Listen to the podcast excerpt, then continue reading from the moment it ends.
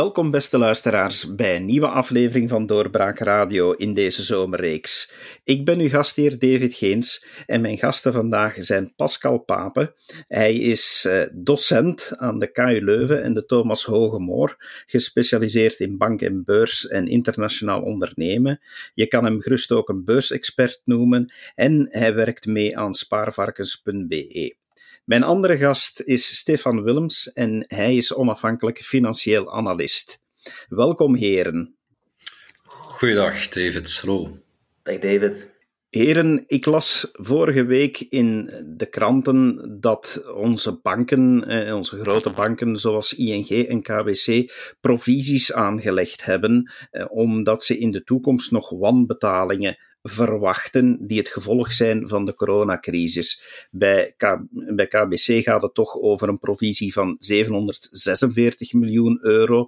Bij ING is het wat minder, maar toch nog altijd 338 miljoen eh, aan extra voorzieningen die zij aangelegd hebben. Maar wat bedoelen zij daar nu eigenlijk mee? Waarom legt een bank provisies aan voor de toekomst? Kan je ons dat even toelichten, meneer Papen? Ja, die provisies die zijn bedoeld om uh, slechte leningen eigenlijk af te schrijven. Hè. Een bank neemt altijd risico, leent geld uit aan gezinnen, aan bedrijven, aan overheden.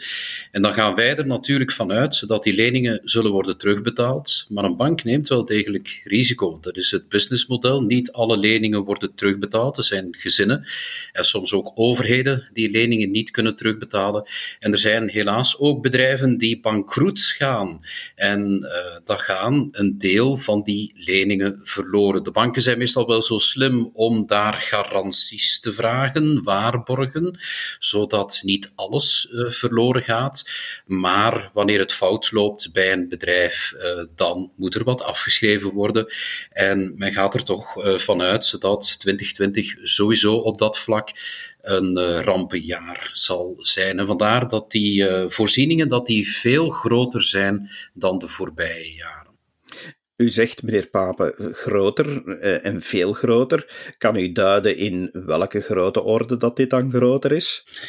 Wel, bij ING gaat men er dan toch al van uit dat het om uh, 1 à 2 miljard euro gaat. Dit jaar alleen al KBC gaat er vanuit. KBC is wel iets kleiner dan ING. Dat het voor het hele jaar 2020 op ongeveer 1,1 miljard euro zal uitkomen. Dus dat zijn verliezen als gevolg van leningen die niet kunnen worden terugbetaald. Een voorbeeldje bijvoorbeeld, uh, ja, ING, hè, Wirecard in Duitsland, een groot technologiebedrijf waar fraude gepleegd is, ING, had daar een kredietlijn aangegeven van 200 miljoen euro. En daarvan had het Duitse bedrijf al 180 miljoen euro opgenomen. Dus waarschijnlijk gaat een groot uh, deel daarvan uh, verloren zijn. In eigen land hebben we bijvoorbeeld uh, de problemen gehad bij Le Pain Quotidien, waar je wat kon gaan eten. Een van oorsprong Belgische keten, die nu ook actief is in het buitenland, in Engeland, in Londen, verschillende zaken, in New York en dergelijke. Dus daar gaat het uh, heel slecht mee. En daar hebben zowel ING als uh, KBC hun kredieten doorverkocht en ze hebben daar ongeveer 90 of 95 procent verlies op geleden. Dus vandaar ja, dat op die manier toch heel wat geld is verloren gegaan. En nu hebben die banken nog altijd wel uitstel van betaling gegeven tot 31 december uh, aan heel veel KMO's en aan heel veel gezinnen. Maar wanneer uh, dat uitstel van betaling uh, zal ophouden, dan verwacht ik dat daar toch ook nog wel heel wat probleemkredieten zullen uit voortkomen en dat de banken daar dus ook nog verlies op zullen moeten nemen. Ja, meneer Willems, betekent dat dan uh, dat uh, volgens u, of uh, wat u misschien net wilde aanvullen, dat er, dat er dan nog problemen bij de banken zullen aankomen? De vraag is natuurlijk, als de probleem, ze gaan, er gaan sowieso een stijgend aantal wanbetalingen zijn. Dat is gewoon ehm, de evidentie zelf door de coronacrisis. We zien bijvoorbeeld ook, als we kijken naar de cijfers van KBC, dat momenteel maar liefst 8 tot 9 procent van hun klanten al eigenlijk betalingsuitstel hebben gevraagd voor eigenlijk een woonlening. En we weten sowieso bij deze grote groep dat daar ook de meest zwakkere gezinnen zijn. Want je kreeg ook niet zomaar dat uitstel. Ik denk dat mensen enkel die een spaarbuffer hadden die minder was dan 25.000 euro, in principe deze spaarbuffer kregen. Dus er komen zeker nog problemen aan. Maar dan is de vraag van, zijn die manageable? Zijn die nog uh, beheersbaar? En dat gaan we pas kunnen zien, en dan zegt KBC ook, vanaf het moment dat de steunmaatregelen gaan aflopen, en dat is eerder richting begin van 2021. Gaan we dan opnieuw naar een crisis toe, zoals in 2008? Zijn de banken uh, ja, dan in staat om die verliezen te dragen, als we dat vergelijken met toen? Als we bijvoorbeeld kijken naar banken zoals KBC bijvoorbeeld, ehm, zeker op Europees niveau hebben die enorme kapitaalbuffers. Dat wil zeggen dat ze wel tegen een stootje kunnen, zeker in vergelijking met andere banken. Ehm, als je gaat kijken bijvoorbeeld naar andere banken in Zuid-Europa bijvoorbeeld, we kijken naar Italië, naar Spanje, daar zien we wel dat er ook al grote afschrijvingen zijn gebeurd, maar de afgelopen jaren ook kapitaalverhogingen. Dat men heeft moeten zeggen van de buffers die we hebben gelegd om eventuele wanbetalingen op te vangen, uh, die moesten aangevuld worden, omdat ze niet meer voldoende zijn. Um, om te spreken over kapitaalverhogingen bij KBC en ING is het veel te vroeg. Maar anderzijds is de coronacrisis ook wel een once in a lifetime iets wat we hebben gezien, pas hebben niet al honderd jaar niet meer hebben gezien. En de schade en de gevolgen die hier gaan uitvolgen, die zullen nog jaren aan een stuk volgen. Dat zal niet opgelost zijn voor 2022, 2023 en langer kunnen lopen. Dus het is heel moeilijk om daar uitspraken over te doen. Maar op korte termijn, zeker over een periode van een half jaar, zie ik in principe geen problemen, zolang de overheden eigenlijk het hand boven het hoofd houden van de burgers. En meneer Papen, van, ja, nu we het over de burger hebben, wat eh, betekent dit voor de consument? Want uiteindelijk een bank die provisies aanlegt, die misschien verliezen gaat leiden, ja, oké, dat is één ding, maar uh, voelen wij daar iets van als consument? Wel, je zou um, kunnen redeneren dat uh, de bank daardoor voortaan wat meer zal vragen voor kredieten. Dus wanneer dat u voortaan een hypotheeklening of een andere lening zal vragen aan de bank, dan zal die redeneren, ah, het risico is wat toegenomen, dus we gaan daar wat meer voor vragen. En dat lijkt mij ook heel normaal dat een bank zoiets doet. Anderzijds hebben natuurlijk de Europese Centrale Bank, die de rente heel laag houdt. Hè? Nog altijd op min een half procent. Dus daar kan de bank eigenlijk geen spaargeld parkeren, want daar wordt ze enorm voor gestraft. Uh, geld blijft in principe goedkoop, maar het zou in principe voor bedrijven en voor gezinnen wat uh, duurder moeten worden. Dat is een beetje bizar, hè, want uh, de Europese Centrale Bank die heeft graag dat de economie ondersteund wordt, hè, dat er krediet gegeven wordt. Dat is ook de kritiek die ik zou kunnen geven aan de Europese Centrale Bank. Enerzijds heeft zij na de kredietcrisis van 2007, 2008, 2009 aan de banken gevraagd om voorzichtig te zijn, om de kapitaalbasis te verhogen. Onze nationale bank heeft dat ook gedaan. Die heeft eh, ook altijd gezegd, u mag geen hypotheeklening geven van 100% van de waarde van het vastgoed. Eh, de nationale bank heeft ook gevraagd aan de banken of geëist van de banken dat er dit jaar geen dividenden worden uitgekeerd, dus dat die buffers uh, groot genoeg zijn. Maar tegelijkertijd houdt de Europese Centrale Bank de rente negatief. En dat zou zelfs nog kunnen verergeren. En daardoor geven zij nog altijd het signaal aan de banken van blijf krediet geven. Dus ze willen een kredietprobleem dat er was en dat er momenteel weer is in 2020 oplossen door meer krediet te geven. En dan mag dat wel een beetje duurder zijn, maar de banken die zullen nog altijd krediet blijven geven, omdat ze niet anders kunnen, omdat ze anders afgestraft worden. We sparen meer en meer. We hebben op een maand tijd 2 miljard extra gespaard. Dat is gigantisch veel. Als de bank, het is een, of dat er nu een coöperatieve vennootschap is, een bank in familiale handen of een beursgenoteerde bank, maakt niks uit. Als die dat geld op haar spaarboekje zet bij de Europese Centrale Bank, dan wordt die daar fenomenaal voor afgestraft. Dus die wordt eigenlijk gedwongen om toch krediet te geven. En dat is het beetje het decadente van het systeem eigenlijk. Wat vindt u daarvan, meneer Willems? Wel, ik had uh, onlangs nog, ik denk een paar weken terug, een interview gehad met uh, John Romain, dat is de CEO van Imotheker. En het leuke is, zij hebben eigenlijk simulaties die ze dagelijks doen, op basis van alle hypotheekrentes in België, waardoor je ook perfect de evolutie kan zien van de rentes. En wat zien we eigenlijk perfect van het moment dat de coronacrisis is begonnen? We zien eigenlijk dat er op dat moment een tweespalt is geweest. We zien dat op een gegeven moment, oké, de rentes zijn maar gestegen, dan weer terug gezakt, heel snel vanaf maart. Maar we zien dat ze niet meer zo, hoe zou ik het uitleggen? Ze zijn eigenlijk de banken hebben een bepaalde buffer, een bepaalde marge ingerekend. Want we zien dat de rentes wel terug zijn gezakt naar het niveau van enkele maanden terug, maar dat de hypotheekrentes toch nog een klein beetje hoger staan. Wat wil zeggen dat de banken op dit moment, as we speak, al rekening houden met een extra marges. Dus dat woonleningen bijvoorbeeld al duurder zijn geworden. En ook, dat heeft meer te maken met regelgeving, dat ook de woonleningen voor mensen die meer dan 90% lenen van een lening, daar zitten al grote verschillen op. Um, ook omdat de Nationale Bank daar zegt van, we willen dat afraden. En banken hebben daardoor al een toeslag, een rentestoeslag, aangerekend van 0,8% en hoger, als je vergelijkt met een jaar geleden, voor die bepaalde kredieten. Als men dan zit te sleutelen aan hypothecaire rentes, heeft dat dan een invloed ook op de prijzen van de huizen?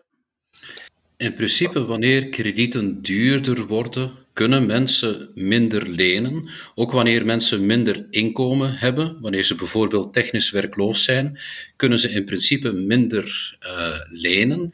Als heel veel mensen minder kunnen lenen, dan zou het gevolg moeten zijn dat vastgoedprijzen wat goedkoper worden. En dat is de theorie. Maar uh, daarnaast, en Stefan heeft dat er net ook nog eens gezegd, de rente die is gigantisch laag. Hè. De rente die de banken zelf krijgen, eh, dat is eigenlijk nog altijd min een half procent. Een bank kan natuurlijk ook, in plaats van het geld bij de ECB te parkeren, overheidsobligaties kopen, maar daar is de rente vaak ook al negatief. Dus tegelijkertijd uh, willen banken toch nog graag wat lenen, zodat ze niet geconfronteerd worden met de negatieve rente. En wanneer dat bijvoorbeeld gezinnen het iets moeilijker hebben om geld te lenen, uh, dan denk ik dat er uh, andere investeerders op die vastgoedmarkt ook actief kunnen worden, pensioenfondsen, verzekeraars en dergelijke, en dat daardoor een daling van uh, de vastgoedprijzen, als die er al zou komen, want Belfius en KBC hebben dat voorspeld, maar stel dat die er al zou komen, ik denk dat die sowieso heel beperkt zal zijn, omdat uh, zowel banken als verzekeraars als pensioenfondsen geconfronteerd worden met die bijzonder lage rente op overheidsobligaties en ze toch uh, weg moeten met dat geld en toch hopen om daar iets aan te verdienen. En die zullen dan volgens mij actiever worden op de vastgoedmarkt, omdat daar met het rendement op verhuur nog altijd iets te verdienen valt. Dus vandaar geloof ik niet in die theorie dat uh, vastgoed uh, fenomenaal uh, goedkoper zal worden. En algemeen, meneer Willems, denkt u dat de consument op andere vlakken gevolgen gaat hebben die nu uit ja, toch wel de te verwachten wanbetalingen aan de banken gaan komen? Gaan algemeen prijzen duurder worden van consumentengoederen of zijn er andere gevolgen die u ziet? Wel, als we echt kijken naar de effecten die dit, de, het corona eigenlijk heeft op de samenleving en op de banken, dan kun je wel zeggen dat er indirecte effecten zijn. Maar dat heeft dan niet echt te maken met corona. Um, ik zie niet echt meteen inflatie bijvoorbeeld. Uh, ook omdat je in een omgeving bent waar er eigenlijk verwachten bij meer faillissementen gaan komen. Er gaan meer ontslagen komen, wat ook gaat druk zetten op de gezinsinkomens. Ook de vraag van als er impact zal zijn op de vastgoedprijzen, daar kan over gediscussieerd worden. Want ik volg Pascal volledig over het verhaal van zolang de rente laag blijft, zal het, het de vastgoedprijzen enorm ondersteunen. Maar de zwarte zwaan is natuurlijk van, als we eenmaal in 2021 zitten, bedrijven gaan dan ook beginnen herstructureren, want eigenlijk de economische crisis die is nog lange niet begonnen. We zien enkel maar uh, ontslagen eigenlijk en in de luchtvaartsector en toerismesector. Maar als we gaan kijken naar de industrie, de kleinhandel, dan valt het eigenlijk nog mee. En de verwachting is daar dat we pas in het najaar echt herstructureringen gaan zien. En dat wil ook zeggen dat daar het inkomen en alle, het inkomen van gezinnen dan pas eigenlijk in gevaar kan komen. Dus je ziet altijd alles met een vertraging. Dus ik vind het nog heel moeilijk om daar nu een uitspraak over te doen. En dat zal de tijd moeten uitwijzen. En dan ook voornamelijk uh, kijken hoe eigenlijk de herstructureringen gaan zijn in de komende maanden. En ik vermoed wel, ik heb wel een licht vermoeden dat het wel impact kan hebben ook op vastgoedprijzen. Want als u bijvoorbeeld op het einde van de dag kijkt naar hoeveel mensen moeten lenen aan een huis, moet dat langs de bank. En de bank wil op het einde van de dag wel nog steeds die lening aan u willen geven en er garanties voor willen hebben. En als we gaan zien dat je komt in een omgeving waarin jobszekerheid onzeker wordt, waarin bepaalde sectoren gewoon als risico worden gecatalogeerd, dan gaan die mensen bijvoorbeeld ook minder actief kunnen worden op de huizenmarkt. En dat kan ook weer impact hebben op de vraag. Dus ik durf daar nog geen uitspraken over te doen. Het is een beetje zwart-wit kijken. Hoe gedragen de beurzen zich op dit moment? Eh, zijn, ja, je hebt natuurlijk de enorme daling gehad uh, omwille van alle lockdowns. Uh, je hebt nadien een herstel gehad. Waar zitten we nu qua beursklimaat? Op dit moment zitten we terug in hetzelfde niveau. Ik denk zelf dat we bijna vandaag op een nieuw record gaan zitten in Amerika. Want gisteren zaten we op ik denk 0,2% na het hoogste koers van de S&P 500. Dat is eigenlijk de breedste beursindex in de Verenigde Staten. De technologiebeursindex Nasdaq die zit al op nieuwe records en dat is zelf na corona. Um, de beurs is eigenlijk heel euforisch en we hebben ook een enorm herstel gekend, dat eigenlijk ook niet echt in de media is gekomen. Maar we zitten toch al 45 of 40 procent hoger dan in maart, wat eigenlijk een ongeziene stijging is, als het niet meer is. Meneer Papen, blijft het dan uh, om uh, ja, de vraag toch maar eens te stellen: blijft het veilig om op de beurs te beleggen op lange termijn gezien? Blijft dat nog altijd een van de uh, dingen die we moeten in de gaten houden? Of is het eerder een moment om van de beurs weg te blijven? Ja, dat is een heel moeilijke vraag. Het is altijd een moeilijke vraag om te zien wanneer dat je precies moet winst nemen. Timing is bijzonder moeilijk op de beurzen. Er zijn een paar hedge funds die daar wel actief in zijn om dat momentum te proberen in te schatten, maar dat lukt niet altijd zo goed. Mijn stelling is altijd uh, aan mensen blijf uh, beleggen. Zie dat als een uh, belegging voor je pensioen. zie dat op lange termijn. Het ergste wat kon gebeuren is dat mensen in totale paniek in maart hebben verkocht. Het dieptepunt was uh, ongeveer midden maart. Als je dan zou hebben verkocht, ja, dan heb je een uh, gigantische stijging sindsdien uh, gemist. Hè. Vooral van de Amerikaanse beurzen, inderdaad. Europese beurzen die zijn wat achterop gebleven.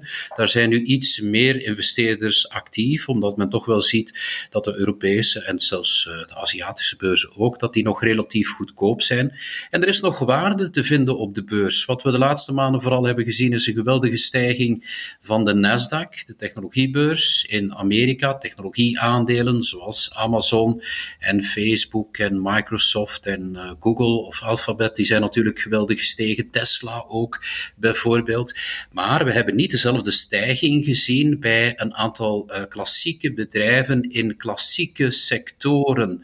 Uh, bijvoorbeeld de, de chemie sector bijvoorbeeld. En daar zijn nogal wat aandelen relatief goedkoop dus ik denk dat er altijd waarde zal te vinden zijn op de En wat is het alternatief? Dat is uh, je geld cash houden. Dat raad ik niet aan, want dan ga je sowieso verliezen op termijn. Of investeren in obligaties. En dat raad ik ook niet aan op dit moment, omdat je daar geen waarde krijgt voor je geld. Het is toch nog altijd een risico, maar je wordt er niet voor beloond.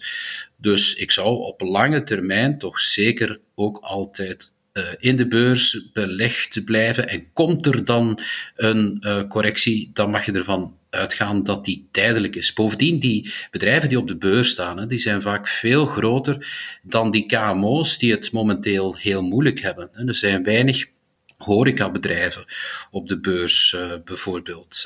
Um, er zijn weinig bedrijven in retail. Ja, je had er één, FNG, op de beurs uh, van Brussel. Hè, dat is failliet gegaan. Uh, maar voor de rest zie je dat vooral bij de KMO's. En die zijn niet beursgenoteerd. Dus vaak zijn beursgenoteerde bedrijven wel iets sterker of veel sterker dan KMO's die niet op de beurs staan. Als ik het dan goed begrijp, heren, dan blijven jullie wel eigenlijk vrij rustig en vol vertrouwen kijken, hoewel jullie zien dat de economie uh, er toch niet ongeschonden uitkomt. Het probleem is, er is elk jaar, elke maand, en als financieel journalist ziet je dat heel duidelijk, er is elke maand wel een verhaal van de wereld gaat vergaan, uh, of er gaat iets ergs gebeuren. En wat hebben we allemaal gezien de afgelopen maanden zelf? De maanden, oké, we hebben corona gezien, dat is van een andere grootorde, dat geef ik toe. Maar bijvoorbeeld in januari dan hadden, we, we bang voor een escalatie tussen Iran en de Verenigde Staten. Maar toen had de Verenigde Staten net een aanslag gepleegd op een van de belangrijkste generaals van Iran. Daarvoor was het de handelsoorlog. Daarvoor was het, en elke keer weer om de zoveel tijd, heb je een verhaal dat verdoemenis en hel uitstraalt op de beurzen. Dat komt natuurlijk, dat schrijven wij natuurlijk allemaal als journalisten in de kranten. Maar op het moment dat het goed gaat, daar wordt eigenlijk niks over gezegd. En als we echt kijken naar de afgelopen 8, 9 jaar, sinds 2011, dat is eigenlijk gegrift in het geheugen van de mensen, 2008 ook. Maar pak die periode nadien, dat was een van de grootste stierenmarkten, een van de grootste markten die gestegen, langste periodes dat de markten zijn gestegen, in een lange periode in de geschiedenis. Uh, en dat komt niet in het nieuws. En hoeveel mensen dat hebben gemist, is ongelooflijk. Ik durf niet te zeggen dat op korte termijn het een interessante een moment is om in te stappen op de beurs, maar op lange termijn zal ik nooit mijn vertrouwen erin verliezen in de economie. Uh, dat is mijn persoonlijke mening. Ik denk dat Pascal er misschien nog iets op wil aanvullen. Mm Nee, dat klopt. Mensen zijn doorgaans wat te bang. We hebben heel veel problemen en gelukkig hebben we ook heel veel oplossingen. Er wordt voor iedere crisis betaald. Iedere crisis is natuurlijk jammer dat die voorvalt en er zal een factuur voor moeten betaald worden. Maar tegelijkertijd zijn er heel grote bedrijven, zoals Amazon bijvoorbeeld, die geld blijven verdienen en die eigenlijk nog profiteren van de coronacrisis, want er is nooit meer online besteld dan nu. En als een trend die al bezig was. Dat is versterkt door de coronacrisis en die zal de komende jaren nog versterken. Dus het traditionele retail zal het moeilijk hebben. Ik verwacht binnen een paar jaar een bloedbad in die sector van de supermarkten. Er zijn veel te veel supermarkten in België en er komen er nog iedere dag bij. Uh, dus de politiek moet daar eens een beetje naar kijken. Maar goed, dat doet men niet. Dus binnen een paar jaar gaat er een bloedbad voorvallen. Uh, daar moet ook nog een, een technologische revolutie komen bij die supermarkten. Dat is veel te ouderwets. Dus dat gaat nog grondig veranderen. Ondertussen zorgen die grote e-commerce bedrijven zoals een bol.com, een Zalando, een HelloFresh, Alibaba, Amazon en noem maar op, hè, zorgen die voor grotere omzetten, voor grotere winsten. En uh, ja, uh, dat zijn vaak beursgenoteerde bedrijven, dus waarom zou je dat niet uh, in je pensioenfonds hebben? Om ervoor te zorgen dat je daar ook wat aan kan verdienen. Hè. Aan iedere trend die bezig is, zijn misschien geen trends waar je blij mee bent, hè, want dat is niet goed voor de traditionele uh, winkels die er in de winkelstraten zijn. Je ziet er al zoveel leegstand. Ik verwacht dat die trend niet gaat keren. En moet je dan zeggen, ja, ik wou dat er nooit internet was geweest? Nee, internet uh, zal altijd groter worden en, en is hier om te blijven. Dus als een belegger kan je op die manier wat compenseren aan verliezen die je eventueel elders zou lijden.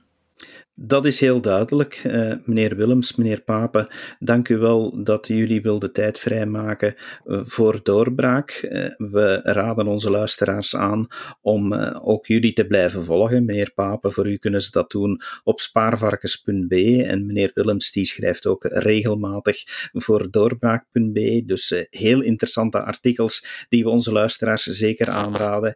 En ik denk dat we elkaar in de toekomst nog zullen spreken, want jullie hebben heel interessante dingen te vertellen voor onze luisteraars. Dank je wel daarvoor. Bedankt, graag gedaan, David. Graag gedaan. En u, en u, beste luisteraar, dank u wel dat u hebt afgestemd op deze zomereditie van Doorbraak Radio. Luister zeker ook naar de andere zomerpodcasts die nog online staan. En binnenkort beginnen we dan terug voluit aan onze normale reeks. Dank je wel en tot dan. Dag. Dit was een episode van Doorbraak Radio, de podcast van doorbraak.be. Volg onze podcast op doorbraak.be/slash radio of via Apple Podcasts, Overcast of Spotify. Bezoek ook onze website op doorbraak.be en steun ons door een vriend te worden van Doorbraak.